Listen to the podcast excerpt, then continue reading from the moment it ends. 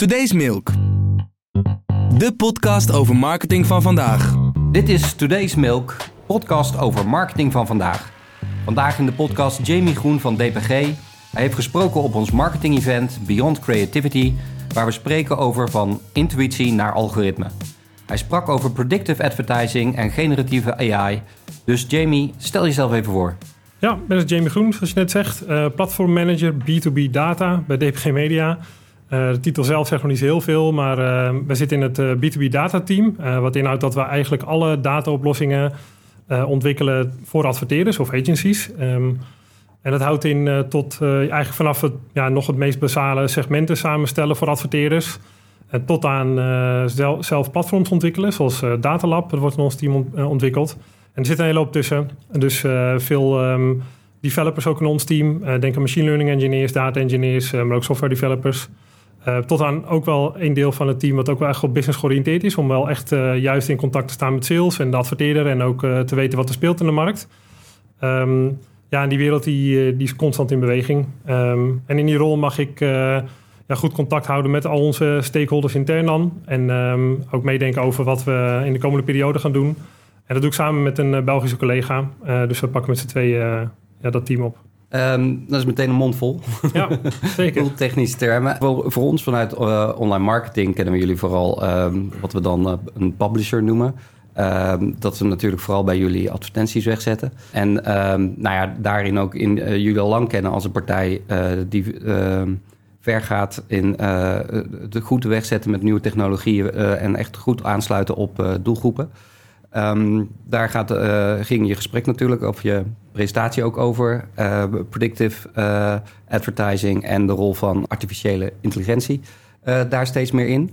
En ja, dat vinden wij dus ook juist heel interessant. Al dat soort grote ontwikkelingen geeft ook aan dat het medialandschap en daarmee dus ook het marketinglandschap echt bezig is aan een reshuffle. Nieuwe technologieën maken het mogelijk dat bepaalde productie en creativiteit uh, steeds toegankelijker worden voor allerlei partijen. Productiepartijen worden steeds conceptueler. Uh, adverteerders kiezen zowel transactionele aanpakken omdat ze heel snel goed naar een doelgroep kunnen. Um, maar ook nog steeds creatieve aanpakken die ook op steeds nieuwe manieren creatief worden.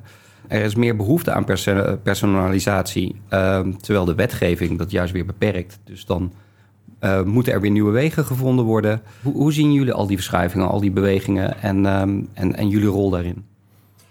Ja, dat is een hele hoop inderdaad wat je nu zegt. Um, ja, wat je zegt, er verandert continu eigenlijk wel heel erg veel. Hè? Dus um, vanuit een wereld waarin eigenlijk eerder de advertentiewereld dan gewoon uh, platweg gezegd campagnes opgezet werden.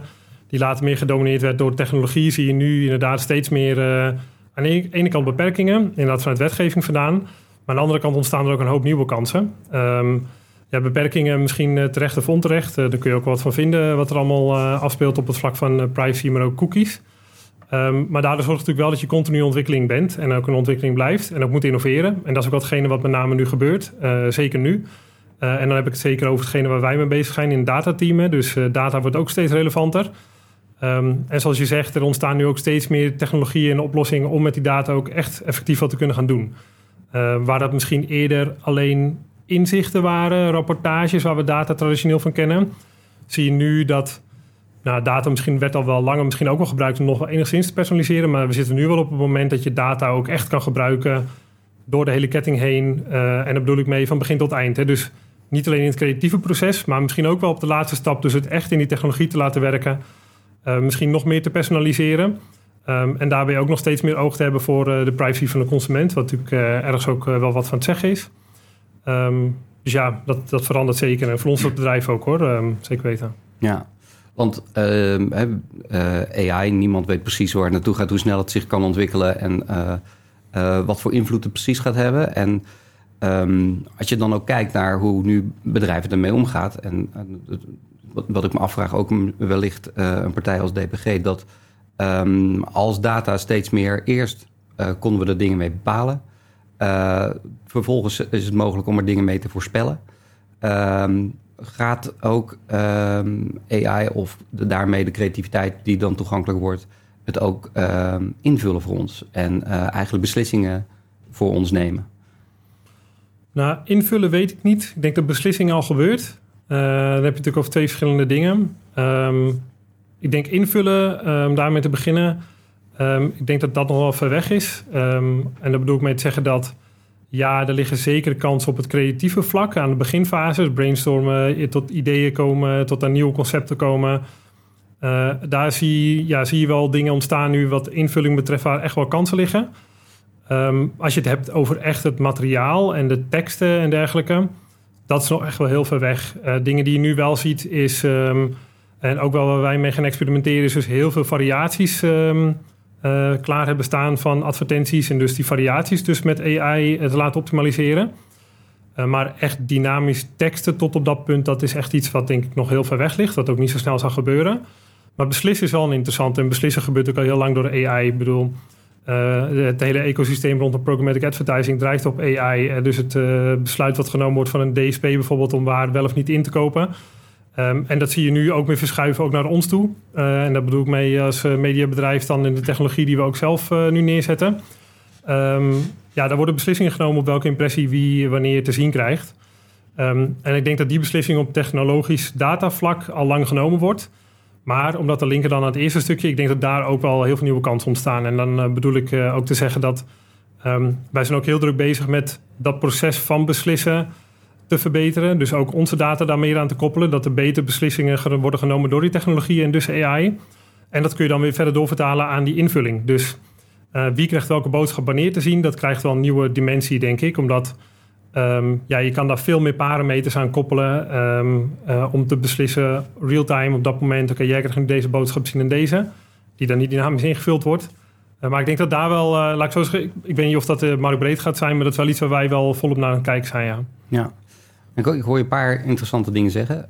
Um, eerst dat het makkelijker en beter wordt om meer variatie in, in uitingen te brengen omdat je dan ook specifiekere doelgroep of de doelgroepsegmentatie hebt. Uh, dus hoe, hoe beter de techniek eigenlijk ervoor zorgt dat je die doelgroep kunt segmenteren en bereiken, vraagt ook om uh, creativiteit en invullingen die dus die variaties hebben. En vervolgens zijn er weer technieken die dat ook weer mogelijk maken. Ja. Uh, daar zijn jullie ook mee bezig. Is dat alleen een adviserende rol? Of, of is dat ook dat jullie dat ook ontwikkelen? Dus dat je ook zorgt dat die variaties beschikbaar zijn? Ja, ik denk wel, um, dat ligt breder, denk ik. Dus dat, dat gaat natuurlijk helemaal terug aan het begin, waarbij um, de, de strategie die bepaald wordt door de adverteerder of het bureau natuurlijk al heel belangrijk is. Daar zit natuurlijk een visie achter en een ehm, ja, verhaal. En uiteindelijk gewoon een idee die gevormd is. Um, ik denk dat het altijd hand in hand zal blijven gaan, want dat verhaal is breder dan alleen DPG. Dus daar is een bredere behoefte. Ik denk wel dat, um, zeker omdat er meer van dat soort inzichten ook komen en dat soort meer van dat soort data beschikbaar komt, dat we natuurlijk wel in die samenwerking nieuwe stappen kunnen zetten.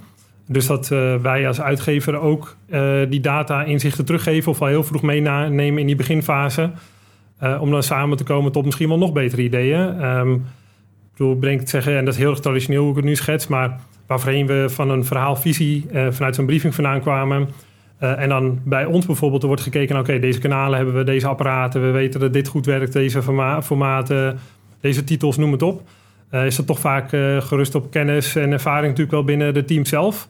En dat kun je natuurlijk veel meer data gedreven maken. Maar dat zal uiteindelijk natuurlijk wel in een mix komen met, met elkaar om tot een hele goede uitwerking te komen. Ja. Nou, wij hebben ook wat online marketeers uh, in ons bedrijf en creatieven. Dat is toch nog steeds wel bloedgroepen die net anders kijken en net anders um, ja, de vraagstukken benaderen. daarin krijg je dus inderdaad wel eens dat discussie over van... Hey, waarom heb je het zo gemaakt? Want wat, die punten die jij net ook noemt, dat formaat werkt beter, die volgorde werkt beter... Als je dan kijkt naar toch voor nog redelijk wat creatieve bureaus zouden die echt naar hun volgordelijkheid moeten kijken. Dat de data beter beschikbaar is en al veel meer van dit soort richtlijnen eigenlijk in de briefing komen. Uh, en merk je dan ook zelf nog wel, als jullie inderdaad de assets krijgen om in te zetten, dat je denkt, als, als ze hier net eventjes wat beter bewust waren van dit soort uitgangspunten, dan had dit beter gekund. Ja, ik kan, ik kan er moeilijk een waardeoordeel aan kloppen of het beter of slecht is, dat weet ik niet. Ik weet niet zo goed hoe die volgorde zit en hoe dat beter zou kunnen, maar uh, ik denk dat die over- en weer communicatie, dat daar een hoop gedaan kan worden, potentieel. Uh, en dat bedoel ik meer te zeggen doordat er nieuwe kansen ontstaan met die data. Dus ik wil niet zeggen hoe dat dan nu eruit ziet of dat beter kan. Maar uh, als je nu verder vooruit kijkt, um, dan zou je dat... Stel je voor dat nu het proces inderdaad vrij voorwaarts gaat van... oké, we komen van een idee uh, tot aan een strategie... en dat nemen we mee publishers en briefings... en dan uiteindelijk gaat de, ja, de trein rijdt gewoon door. Ja, daar zou in die fase zou je natuurlijk heel veel meer met data kunnen doen... Um, en ja, misschien moet je het wel omkeren, dat proces. Hè? Dat dus eigenlijk eerst een soort van blanco, of ja, niet helemaal blanco, maar wel een schets of een vaag idee is. Of in ieder geval een doel van een adverteerder, wat hij wil bereiken. Want uiteindelijk werken we samen ook voor die adverteerder. Um, dat daar al wel een paar keer heen en weer gegaan wordt met van oké, uh, kunnen jullie inderdaad zien wat goed werkt? Uh, we hebben eventueel concepten, zijn er concepten die al gedraaid hebben? Misschien kun je concepten al een keertje toetsen, testen op data. Um, en dan misschien inderdaad wel dat eigenlijk het creatieve proces wat daarna plaatsvindt, wat altijd een wisselwerking is tussen wij, um, en het bureau bijvoorbeeld, uh, dat in de data nog een optimalisatie plaatsvindt. Hè? Dus dat dus nog misschien heel veel dingen veranderd worden ten aanzien van wat er eerst lag. Um, ik denk dat daar wel um, kans ontstaan, ja. Want uh, uh, nu praktisch gezien is er ook nog niet heel veel data die we in één keer op kunnen lepelen van... nou, het is een heel rijk klantbeeld, ga je mee in de slag en daar moeten volop over in gesprekken. Die wereld is ook gewoon een ontwikkeling. Maar er is al wel genoeg om daar nu al wel een dialoog te starten. Dus en dat zal zeker door de recente ontwikkelingen zal dat best wel snel gaan ontwikkelen, vermoedelijk. Uh, waardoor um, ja, dat proces misschien nog wel veel beter hand in hand zou uh, moeten gaan. Ja. Wat ik je eerder ook al hoorde aangeven over inderdaad de ontwikkelingen uh, van personalisatie en de wetgeving daarin. dat, dat, is natuurlijk ook een, een, een discussie qua ethiek, wat altijd lastig blijft. Want ja, hoe, hoe, hoe persoonlijk is persoonlijk of hoe privé is, is data als het groter wordt hè, met big data? Um, en, uh, want het gekke is dat het, er zit wel een dualiteit in het gedrag van een consument. En uh, wanneer die uh, na moet denken over dit ethisch vraagstuk. Want um, doordat er al een hele tijd gewerkt is met cookies. En ook de periode waarin Google het ook gewoon allemaal nog heel direct kon aanbieden. targeting en, en, en social media dat kon. Um, is, is natuurlijk de consument eigenlijk ook gewend geraakt uh, uh, aan hele persoonlijke, persoonlijke communicatie. Um, dus de, de personalisatie is eigenlijk al iets wat mensen wel gaan verwachten. Terwijl wetgeving dat nu alweer restricties op, uh, oplegt. En dus, zoals je zei, er zijn er wel weer nieuwe mogelijkheden um, uh, die, opkomen. Dus hoe zou het dan, dan toch mogelijk kunnen zijn dat we uh, de behoeften van consumenten om wel specifiekere aanbod te kunnen brengen op hun wensen, zonder dat we daarmee per se hun privacy kunnen schaden? Is dat wel mogelijk? Ja, de vraag suggereert alsof dat, dat erger wordt nu we steeds meer data hebben en steeds persoonlijker worden in de toekomst. Maar dan zou je ook af kunnen vragen uh, hoe erg het was. En ik denk dat dat sowieso wel interessant is. Um, ja, het is goed dat daar uh, wetgeving en duidelijkheid voor komt, wat wel en niet mag. Dus dat natuurlijk, hè, wat voor effect het ook heeft. Um, maar als je terugkijkt op uh, wat jaren geleden, en nu zeker, hè, dus real-time bidding staat um, in het vizier, om zo maar te zeggen. Terwijl, moet ik er wel bij zeggen, want ik heb daar zelf heel veel mee gedaan en gewerkt, dat real-time bidding op zich is natuurlijk niet het probleem. Hè? Dat is natuurlijk gewoon een transactie en een slim handelsveilingssysteem. Ja, natuurlijk de data die daar gekoppeld geweest is, ja, daar kun je wel je vraag op afstellen of dat nou helemaal de juiste manier geweest is. En dan zat je eigenlijk, en dan kijk ik nog steeds terug, in een wereld waarin de consument eigenlijk helemaal niet wist wat daar gebeurde. Real-time bidding, het concept al helemaal niet te begrijpen is. En dan nog eens een keertje dat daar heel veel data over de hele wereld heen gestuurd werd, nog verder van de show is. Um, en dan beweeg je nu naar een wereld waarin misschien weer de data aan de ene kant wel meer naar bepaalde partijen gaat, hè, dus meer uh, zich centraliseert. Um, maar daar komen natuurlijk wel inderdaad veel meer inzichten. Dus er, wordt veel meer data verzameld dan wel weer uh, lokaal.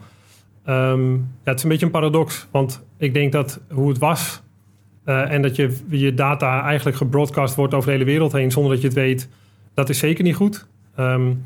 Maar waar we nu heen gaan in de wereld, en er zijn natuurlijk meerdere partijen die data verzamelen, en dan kun je ook weer afvragen of het goed is dat het allemaal daar terecht komt. Uh, maar als ik even praat, vanuit wat we aan het doen zijn bij DPG. Um, ehm, en natuurlijk ja, geloof ik daar dan wel weer heel erg in, maar dat is natuurlijk logisch. Uh, maar goed, dat, ik vind het ook wel heel logisch uh, te vertellen. Dat, ik zou dat mijn moeder ook kunnen uitleggen. En gewoon, dat zou ik ook echt menen.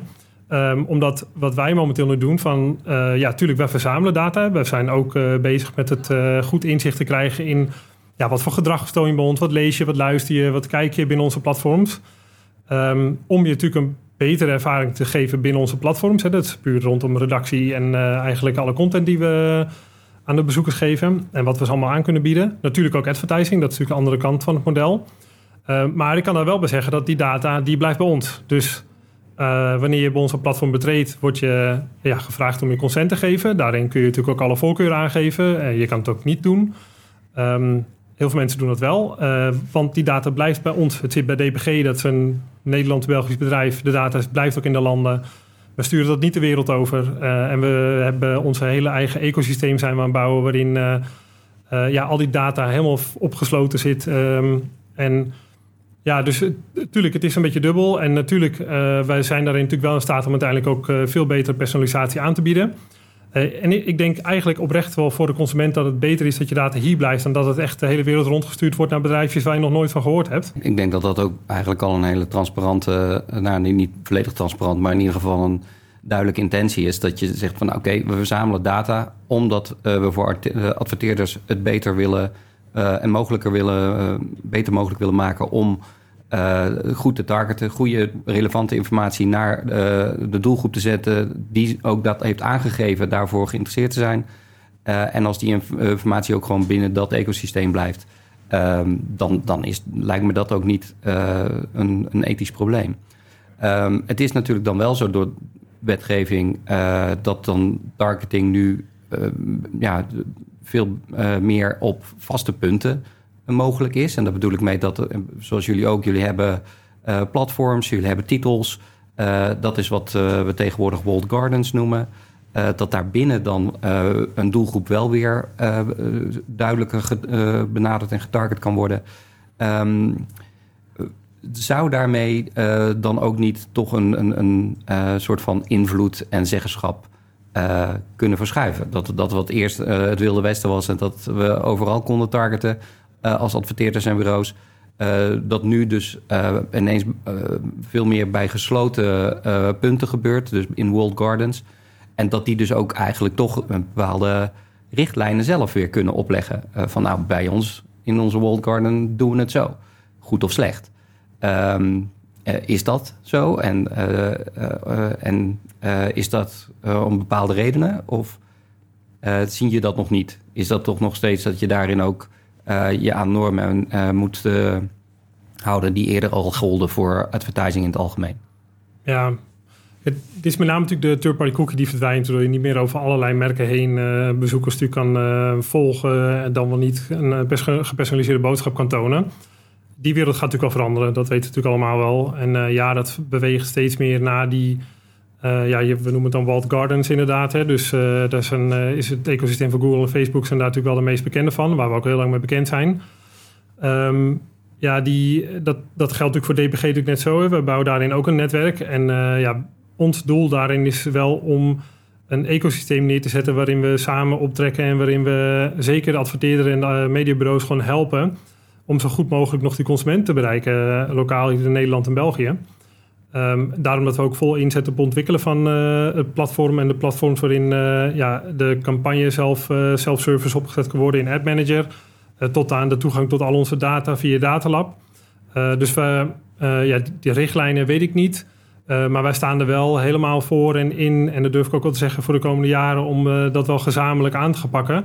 Om dat in ieder geval hier in deze landen goed voor elkaar te krijgen. dus ja, dat is eerder een ja, ontwikkel focus. Ik wil niet zeggen, dus dat, ik noem het geen richtlijnen, maar ik noem het echt wel meer. Ja, dat zou je bijna een visie kunnen noemen om dat uh, gezamenlijk op te kunnen pakken. Um, dus ja, we staan daar gezamenlijk in, denk ik ook wel, om ja. die uh, de, ja, problemen op te lossen misschien. Ja, eigenlijk ook wel logisch, juist ook voor jullie eigen succes, dat jullie een verantwoordelijkheid, heb, verantwoordelijkheid hebben, enerzijds naar uh, consumenten en ook um, jullie doelgroepen letterlijk voor alle uh, titels en uh, platformen om gewoon goede content te hebben. Dus ja. daar moet je ook gewoon weten wat er bij hun leeft en waar ze behoefte aan hebben. En anderzijds natuurlijk naar de adverteerders, dat ze ook uh, op een goede manier en inderdaad met, met voldoende eigen zeggenschap en toegang eh, kunnen adverteren bij jullie. Ja. Dus dat, die dubbele eh, verantwoordelijkheid zorgt ook eigenlijk dat je beide partijen daarin ook in ere moet houden. Ja, zeker. We willen die consumenten natuurlijk ook eh, veel beter in informeren. Dus eh, ik noemde net al, eh, je geeft je consent als je binnenkomt bij ons. Eh, we zijn ook druk bezig om daar eh, meer inzicht in te geven. En eh, te- dat de consument ook duidelijk heeft van... oké, dit weten jullie van mij en dat kan ik ook, eh, dat kan ik ook aanpassen. Natuurlijk voldoen we aan de andere wetgeving die er ook voor geldt. Hè. Dus eh, ja, als je dat verwijderd wil hebben, kan dat natuurlijk ook allemaal. Dat lijkt me logisch. Ehm, maar nogmaals, ehm, ik denk uiteindelijk... eh, ja, het zal een win-win-win situatie moeten worden. Dat denk ik wel hoe het zou moeten zijn. Dus ehm, zowel voor de adverteerder als voor de consument... als eh, natuurlijk ook voor DPG zou dat natuurlijk eh, allemaal goed in elkaar moeten zitten. Ja, dat... Ja. En als je dan kijkt naar alle veranderingen die spelen, hebben jullie ook het gevoel dat het dan ook juist wel moeilijk is om bij te houden wat er allemaal gebeurt? Of heb je daar ook in het bedrijf voldoende borging voor dat jullie juist daar ja, een soort R&D bijna eh, niet alleen in voorop lopen, maar mee ontwikkelen en eh, kijken naar wat eh, eh, ja, die mogelijkheden ook echt bieden ja. om dat in te vullen? Ja, moeilijk. eh, ik weet niet of het moeilijk is, maar er gebeurt wel een hoop natuurlijk. en ik heb al soms heb ik al het idee, dan is het ene voorbij en denk je, nou, nu wordt het wat rustiger en dan komt weer het andere voorbij. Eh, nu dan de positieve zin natuurlijk weer met AI, waar een hoop in gebeurt. Dus eh, dat komt dan natuurlijk ook in één keer weer op. Ja, inderdaad ook. Ik, ehm, eh, sowieso de hele advertising technologiewereld is continu in beweging, altijd in ontwikkeling. Dan heb je natuurlijk ook het hele privacy stuk wat daarbij speelt, wat ook in beweging is. En daar gebeurt natuurlijk ook gebeurt van alles weer.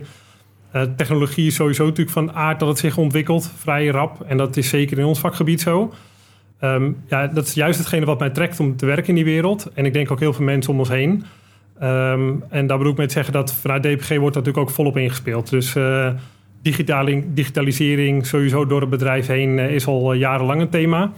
En daar wordt eh, echt extreem veel op ingezet. Dus eh, wij hebben alleen al binnen ons advertising vakgebied dan al zeer veel toegang tot, ja, tot mogelijkheden. En dan heb ik het ook over mensen en, en alles wat erbij komt kijken om te kunnen ontwikkelen en mee te kunnen gaan blijven. En ook misschien wel voorop te lopen. Proberen voorop te lopen, moet ik het dan netjes zeggen. Dat is denk ik in ieder geval wel wat we graag zouden willen. Ehm, dus ja, nee, moeilijk is het niet. Ik denk dat het heeft bij ons een enorme focus om te ontwikkelen. En daar wordt ook echt wel eh, fors in geïnvesteerd. Ehm, en ik denk ook wel, ehm, en dan spreek ik gewoon voor mezelf, dat het daarom ook echt wel enorm leuk is om sowieso in de advertentiewereld te werken. Maar ik vind het bij DPG dan ook heel erg leuk, omdat daar eh, gewoon, eh, ja, er is gewoon veel aandacht voor. En er ligt een mooie visie ook. eh, en dat kunnen we ook waarmaken met z'n allen. Dus daar zijn we heel eh, druk mee bezig. Ehm, en dan is eh, iets wat moeilijk voelt, is alleen maar leuk, want dan betekent weer de volgende uitdaging om op te lossen. Eh, en dan is stilstaan misschien maar saai. Dus ja, dan maar beter eh, continu van dat soort dingen. Ehm, ja, dus dat behoudt het werk ook wel divers. En ja, dat zeg ik. Ik denk dat in ons vak gewoon dat dit sowieso enorm leeft. Ehm, bij iedereen, want dat merk je ook. Alle mensen die zijn gewoon heel erg gefocust op ontwikkeling binnen technologie. En dat, ja, dat is ook heel erg leuk. Kun je nog eens even kort toelichten dat AI dus ook niet echt nieuw is? Dat we daarin eh, advertising eigenlijk al heel lang mee werken, wat je eh, aan het begin al aangaf. Inderdaad, de, het uitleveren van advertenties, eh, daar zitten natuurlijk al langer algoritmes achter die bepalen wie wanneer wat te zien krijgt.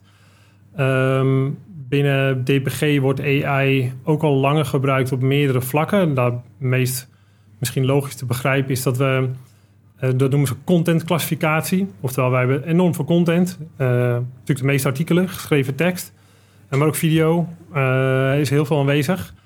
Eh, en voor ons is het natuurlijk een hoop aangelegen om die content juist te labelen. Oftewel juist aan te geven waarover gaat dit stuk content, artikel.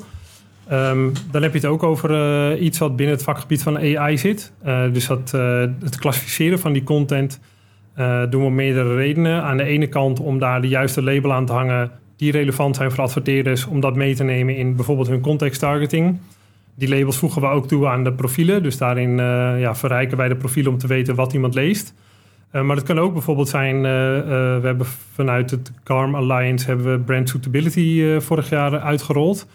Um, om ja, goed aan te geven wat zijn de, de, de risicoclassificaties aan zo'n artikel. Um, nieuws um, ja, hoeft natuurlijk lang niet altijd positief te zijn. maar het kan in vele mate nog steeds geschikt zijn om natuurlijk gewoon rond te adverteren. Um, en dat doen we ook met uh, contentclassificatie. Dus daar hangen we ook dat soort labels aan. Ehm, ja, dat is natuurlijk met name NLP. Dat valt dan deels binnen het AI-vakgebied. maar als je het verder over AI hebt en andere zaken die we doen. we doen heel veel, zeker met Datalab Um, rond bijvoorbeeld de lookalikes, een bekende term. Hè? Dus uh, je gaat profielen zoeken die lijken op degene die uh, ja, eerder goed geconverteerd hebben of die goed geklikt hebben. Een voorbeeld daarvan is ook een, uh, we noemen dat onze booster. Oftewel een product waarin ehm, we zoeken natuurlijk altijd naar betere performance. De campagne wordt gestart, die loopt even. Onze algoritmes die analyseren de profielen die geklikt hebben gedurende een korte periode. En die gaan dan op zoek naar profielen die daarop lijken... of waarvan het algoritme ook denkt dat die goed zouden kunnen klikken. Dus hij leert eigenlijk van die eerste periode. Um, en naarmate de campagne voordat voegen we dus die andere profielen steeds meer toe in de campagne. Um, en dat zijn manieren van AI die eigenlijk al wel uh, langere tijd gedaan worden. Die uh, ja, nu in de praktijk gewoon uh, ook bond ziet. Ja. ja, want eigenlijk op die manier sturing aan content geven via AI... hoe dat wordt uitgeserveerd is natuurlijk heel breed. Ik bedoel, uh, alle zoekmachines eh, draaien op algoritmes. Uh, wat ze denken dat je vraag, hoe ze je vraag het beste kunnen beantwoorden. met zoekresultaten. Um, als je op social media zit en, um, en je bent aan het scrollen, dan wordt eigenlijk al hoe lang je op content blijft hangen bepalend voor wat je daarna weer krijgt. Dus in die zin zit er natuurlijk veel sturing op. En daar maken consumenten zich op zich ook al zorgen over. Van letterlijk hè, dat je in je eigen bubbel terechtkomt of dat je in een trechter wordt gezogen. Hè, um, fabeltjesfunnels en dat soort dingen. Um, dat, uh, uh, dat is natuurlijk ook eigenlijk een bewustwording die ook misschien ook gewoon uh, meer aan consumenten moet worden uitgelegd. Dat ze daar ook een eigen verantwoordelijkheid in hebben. Als je andere zoekopdrachten geeft of gewoon zelf letterlijk ook de andere kant zoekt. en misschien dus ook binnen social media op een andere manier je oriënteert, dan zal een algoritme ook niet je per se aan een bepaalde overtuiging vast willen houden. Dan, dan serveert hij ook gewoon de andere kant uit. Uh, want er waren natuurlijk ook docu's zoals uh, de Social Dilemma en zo, die dat wel best wel groot uh, neerzetten. Um, adverteren heb je als consument misschien minder die invloed op. Dat is natuurlijk ook wel voor platforms je je graag begeeft en wat voor nieuws je inderdaad leest en ook wel waar je gewoon demografisch invalt. Um, dat, uh, de invloed van, uh, van een consument op wat hij in advertenties krijgt, is dat er? Zeker. Ja, we beginnen bij waar je begint. Dat in die, inderdaad die filterbubbel, hè, die uh, ja, bekend is van nou, sociale platformen of bijvoorbeeld ook zoals YouTube. Um, is natuurlijk wel interessant, hè? alleen hun model is natuurlijk volledig anders opgebouwd, het businessmodel. Dus zij hebben natuurlijk baat bij de mensen lang door blijven kijken, doorklikken, lezen. En natuurlijk geldt dat voor ons ook wel met enige maat zo. Alleen wij dragen natuurlijk ook nog een andere verantwoordelijkheid uh, uiteindelijk. En dat is ook waarom je... Wij zullen natuurlijk nooit continu uh, je door zo'n filterbubbel of zo'n trechter heen trekken... om continu dezelfde content voor te schotelen. Uh, we hebben aan de ene kant ook de verplichting om je gewoon in de breedste zin van het woord... eigenlijk ook breed te informeren over wat er om je heen afspeelt. Dus je ziet aan de ene kant dat als je het over nieuws hebt... want entertainment is natuurlijk wel wat anders bij de entertainment tak... maar als je het over nieuws hebt, dat is natuurlijk in de basis breed neergezet... Uh, en ja, daar kunnen aanbevelingen gedaan worden onder een artikel over wat je dan vervolgens weer kan lezen. Uh, maar ik denk dat dat model wel wat anders in elkaar zit. Uh, ook het verdienmodel natuurlijk bond ehm, dan bijvoorbeeld op socials. waardoor je dat dan misschien traditioneel gezien wat meer ziet. En uiteindelijk als consument zijnde heb je er invloed op. Um, ik denk dat het op sociale vlak dat dat moeilijker is. Omdat je daar word je echt vastgezet en dan zie je alleen maar dat soort content. En dan wordt het, lijkt het wel, dat merk ik zelf ook, dat je alleen maar van dat soort video's continu ziet. Dat lijkt nu negatief, maar daardoor vind ik ook content die ik niet wist dat ik die leuk vond, maar die vond ik daarna ook leuk. Hè? Dus dat is ook misschien een beetje dubbel alweer. Um, en ja, bij ons heb je die, uh, die controle uiteindelijk ook, uh, wat ik al eerder aangaf, ook. Je kan uh, je profiel inzien, je kan zien wat we over je weten. Um, alleen dat gedrag wordt natuurlijk op, dat gedrag, dat profiel wordt opgebouwd natuurlijk uit alle ja, content die je leest. Dus als jij, omdat we je breed content voorschotelen, zal het profiel ook altijd wel breder blijven. En daarom zie je traditioneel gezien ook dat, zeker in de afgelopen periode, dat uh, mensen heel veel interesse blijkbaar hebben in medische, medisch nieuws. Maar dat is natuurlijk met name corona gerelateerd. Um, maar je ziet ook gewoon binnenlandse politiek, lokaal, economie. Er zijn gewoon de dingen die eigenlijk altijd continu in profielen voorbij komen. Um, daardoor blijft zo'n profiel ook wat breder. Dus daar heb je minder last van een filterbubbel. Tuurlijk zie je ook wat verschil erin. Mensen lezen ook wel specifiek misschien over de woningmarkt of um, ja, misschien meer in de fashion en entertainment hoek, wat ook heel goed kan. Dus daar zie je zeker verschil in. Um, maar daar heb je ook wel echt wel controle op in je, ja. je eigen gegevens om dat ook wel aan te passen. Dus eigenlijk wat je zegt is, als je jezelf breed oriënteert, Als je een brede interesse toont, dan is je profiel ook breed. Nou, wij schotelen sowieso natuurlijk al in de basis het nieuws breder voor. Dus, uh, en ik denk omdat uh, de interesse in nieuws vergeleken met je social uh, interesse, wat bijvoorbeeld die video's die ik op YouTube kijk, die zijn heel erg specifiek. Als ik even naar mezelf kijk, ja, ik, ik, ik heb nog niet zo heel veel interesse in het bredere verhaal. Ik krijg bepaalde type video's die ik leuk vind en daar uh, bijt je dan er vast. Maar nieuws ben ik dan ook breder georiënteerd. Ja, ik vind ja. economie lezen vind ik heel leuk. Ja, ik lees ook heel graag als er bij mij om de hoek een evenement is, omdat ik ook, dat ook graag wil weten. Uh, net als sport, uh, ja, ik lees daar ook graag sport. Dus ik denk dat de nieuwsbehoefte toch altijd wel breder ja. is. En daardoor dat je dat in de profielen bij ons ook zo terugziet. Ja. Nee, maar ook wat je zegt, inderdaad, daar waar het misschien uh, op me, mediaplatformen vaak wel wat specifieker wordt gezet, daar heb je juist ook vaak wel die invloed dat je nog steeds weer nieuwe zoekopdracht kan geven. Dus ja. dan is toch je eigen, de, de, breedte van je eigen interesse sturend voor hoe breed je profiel is. En wij zitten natuurlijk uh, in advertising met heel veel verschillende uh, vraagstukken van klanten uit verschillende doelgroepen, uit verschillende uh, bevolkingsgroepen. En als wij een, een, ons oriënteren op een opdracht, en inlezen en ook uitzoeken, dan, dan zie ik het zelf in mijn zoekresultaten ook. Ineens ja. begin ik, krijg ik andere content voorgeschoteld, omdat ik wat langer mezelf aan het oriënteren ben op een nieuw onderwerp. Dus in die zin heb ik altijd wel het gevoel dat je nog uit je bubbel kan. Ja, klopt. uh, dus dat, uh, dat we echt niet zo vast zitten als we denken. Maar als ik nu uh, mijn telefoon pak en ik open YouTube, dan is die al volledig gefilterd. Hè? Die is al voorgesorteerd, om zo maar te zeggen. Die ja. zit volledig in mijn straatje.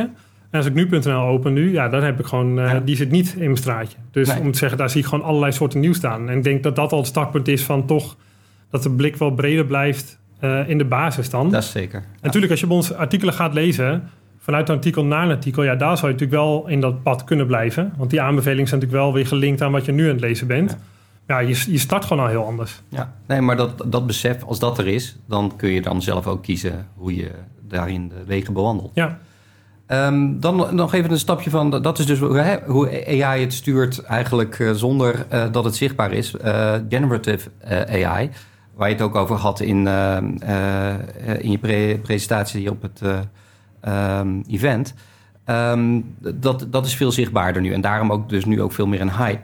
Daarvan uh, heb je nu dus dat iedereen daar ook mee aan de gang kan. Eindeloos veel uh, creators en daarmee ook verschillende lagen. En dat, dat, dat zie je dus ook. We zien vooral nog veel resultaten waarvan je toch afvraagt... ja, hoe wordt dat dan behaald?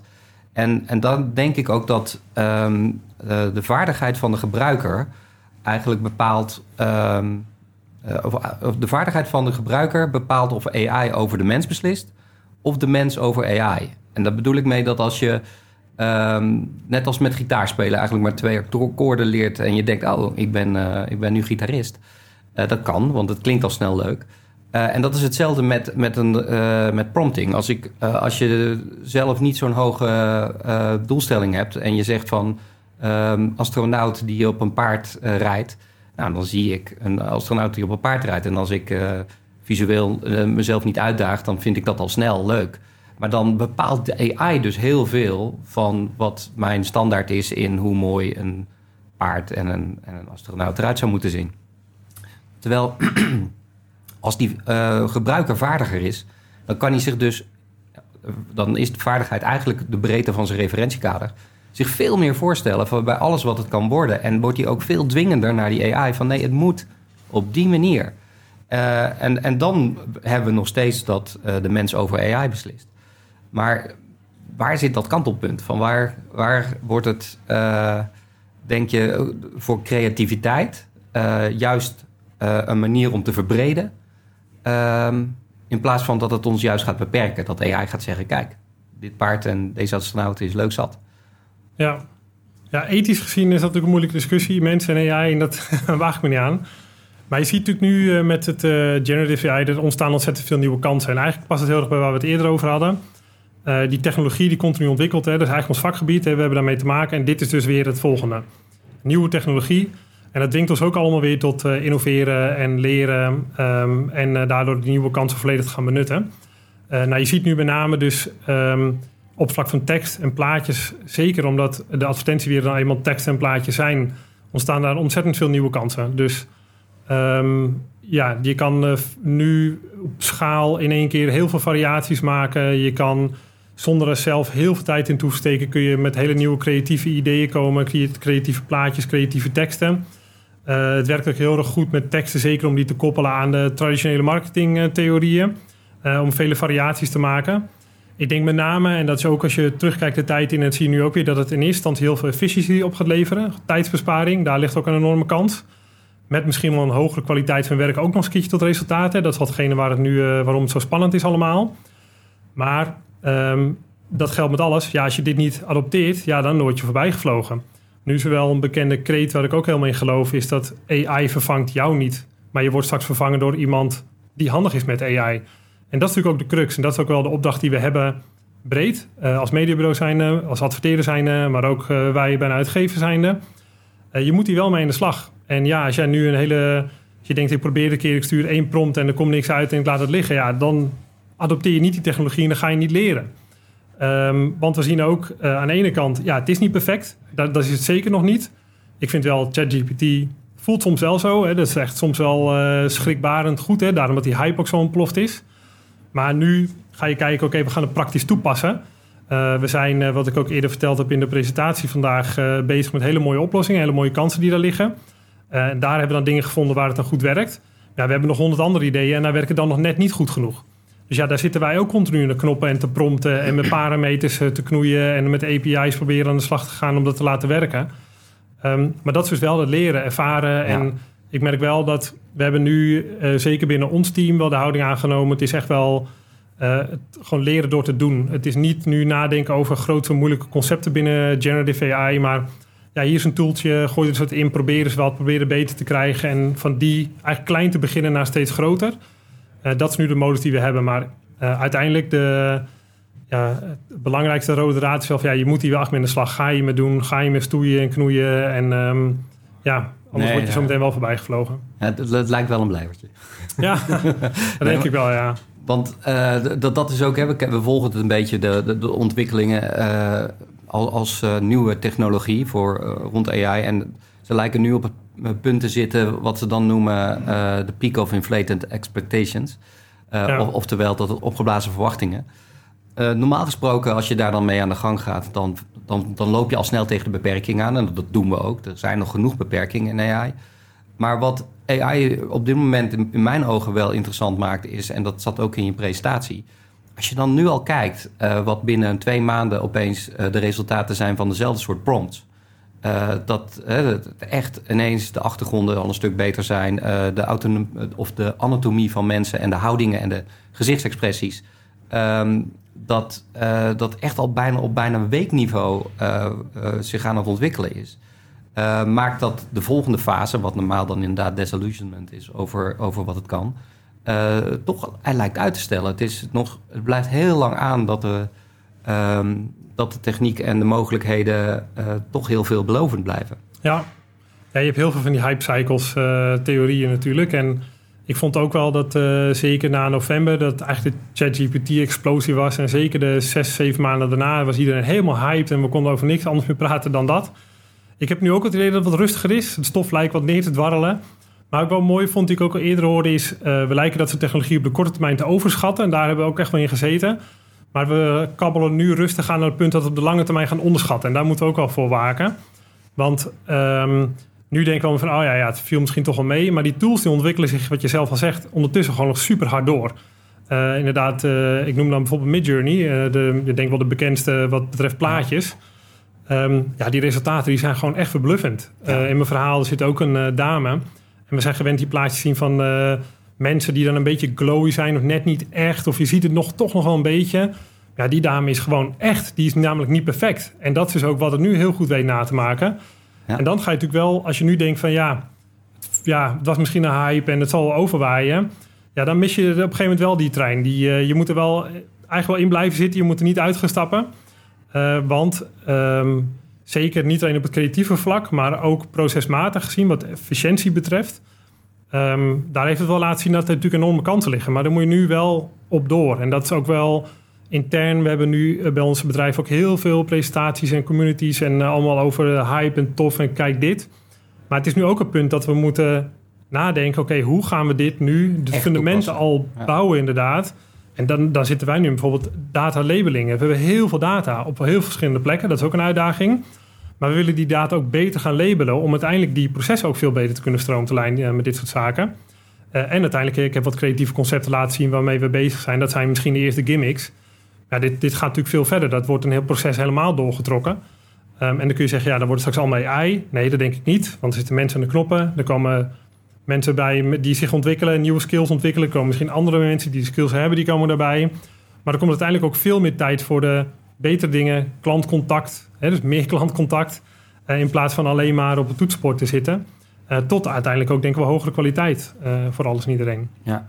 ja, want een AI kan ook niet alleen helemaal vanaf nul, of ja, doet op dit moment juist het beste als je het niet helemaal vanaf nul laat genereren, maar heel veel input geeft. Ook ja. al bestaande foto's. Je ziet het ook een heel nieuw laag fotografen ermee aan de gang.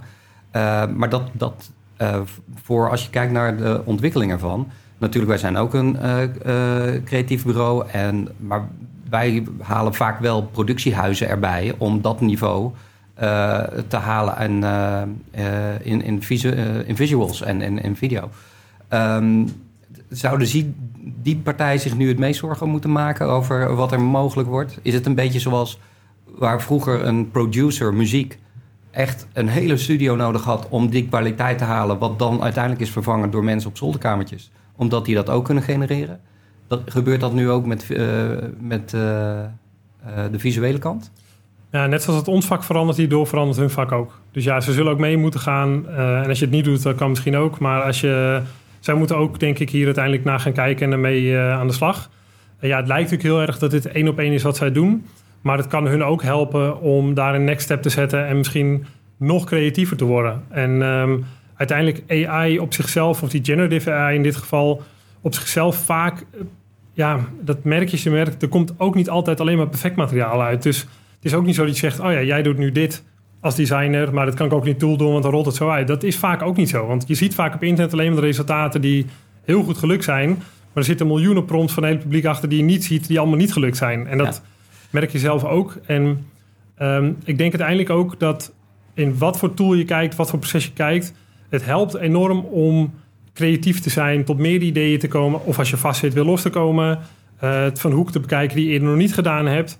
Ja, uiteindelijk moet je nog wel zelf gaan doen. Dus er zit nog altijd een stap achteraan waar die mens dan weer toch wel bij betrokken is. Dus dat geldt denk ik ook voor die designers. Ja, ik denk ook echt dat het daarin gewoon naar een, een, of een uh, volgend niveau getrokken gaat worden. Want in het begin kun je inderdaad denken, uh, zoals alle uh, AI's, het, het, is nog steeds afhankelijk van de input en de data die het gebruikt en leest en van leert. Um, dus vaak zijn toch de output ook nog wel clichés of iets, iets wat de massa kan herkennen als zodanig. Uh, toch merk je dan dat bijvoorbeeld de, de, de, visuele en de advertising kant ook best veel clichés kent. Zeker de mode-industrie of de food-industrie. Uh, wat wij als hoogwaardige visuals zien, uh, daar komt AI echt al heel dichtbij in de buurt. Dus dat wat we juist als het hoogste goed zagen in, in bijvoorbeeld fotografie, fashion, ehm, daar komt AI, omdat daar heel veel data voor is op dat niveau, al heel snel in de buurt. En om dan daar weer een vervolgende stap in te nemen van hoe dat je misschien surrealisme introduceert of dat we uh, juist dingen gaan doen uh, die uh, een AI nog niet heeft in data om het onderscheid te maken. Of juist wat we met AI kunnen genereren surrealistischer maken of met eigen menselijke creativiteit helpen veel verder dan wat we in het echt hadden kunnen schieten. Ja, dus dat, dat zijn wel interessante stappen die, uh, die gaan volgen. Ja, kijk, en die, uh, het moet natuurlijk ook wel echt blijven. En dat is ook op heel veel vlakken natuurlijk ook niet zo. Hè. Consumenten die trappen natuurlijk ook niet zomaar in allemaal van die nep uh, plaatjes. Dus er zal, er zal altijd een echt element bij blijven. Maar ik denk, zeker ook nu, uh, ik heb het al vaker over efficiëntie gehad. Je gaat nu wel in staat zijn om heel veel varianten te maken. Dus dat kledingstuk blijft misschien wat hetzelfde. Maar de setting kun je natuurlijk honderd keer veranderen. Uh, en dan weer gekoppeld, en hebben we misschien uh, cirkeltje ook rond, gekoppeld aan heel veel data, personalisatie. Ja, ik persoonlijk zie liever gewoon advertenties die ook echt toegespitst zijn op wat ik zelf leuk vind om te zien. En die mogelijkheden ontstaan natuurlijk nu al veel meer. Je kan op schaal kun je allemaal varianten aanmaken. Dan kun je koppelen aan de juiste data om dat aan de juiste mensen te laten zien. Um, en uh, dat was eerder gewoon niet mogelijk qua tijd en budget. En dan hou je niks meer over om nog uh, wat aan te verdienen. En dat kan straks kan dat natuurlijk wel heel goed. Um, en dan heb je eigenlijk dat, het hele proces van een creatieve idee tot aan de hele uitlevering. Um, ja, dan gaan wel een hoop dingen, een hoop kansen ontstaan, denk ik. Ja. Ja, nou, dat lijkt me een mooi einde. Uh, veel nieuwe kansen, veel nieuwe dingen waar we allemaal uh, op moeten gaan letten en mee aan de gang moeten. En uh, ja, dan is het volgens mij nog een hele mooie brede toekomst met veel vernieuwing voor ons. Zeker. Nou, nou, hartstikke bedankt dat je hier wilde zijn. Graag gedaan, jullie ook bedankt. En nou, tot de volgende keer. Wij zijn media geworden. We consumeren het, creëren het, we vormen ons wereldbeeld en zelfbeeld ermee. Op allerlei platforms en in eigen bubbels. Verstopt achter wettelijke, technische en mentale filters. Zo is aandacht een valuta geworden. We vragen het steeds meer, maar geven het steeds moeilijker. Alleen als gelijkgestemden, influencers, artiesten en ja, ook merken snappen wat ons persoonlijk boeit en bezighoudt, zijn ze onze aandacht waard. Wij geven onze aandacht niet meer alleen aan verrassers, maar aan verrijkers. Zowel voor entertainment en beleving, als voor heldere informatie en zelfs educatie. Voor het bureau van vandaag is data en technologie een springplank voor ideeën. Want voor die content die echt connect, die on-brand, on-point en on-time is, is creativiteit alleen niet meer genoeg. Dat vraagt om menselijke visie met technologische precisie. Op inzichten uit data, getoetst aan cultuur. Met de nieuwe creatief als curator van nieuwe technologieën. En doorlopende monitoring van de maatschappelijke mindset voor actuele aansluiting. Technology first, creativity next. Wij zijn Today's Milk. Merk, content, media.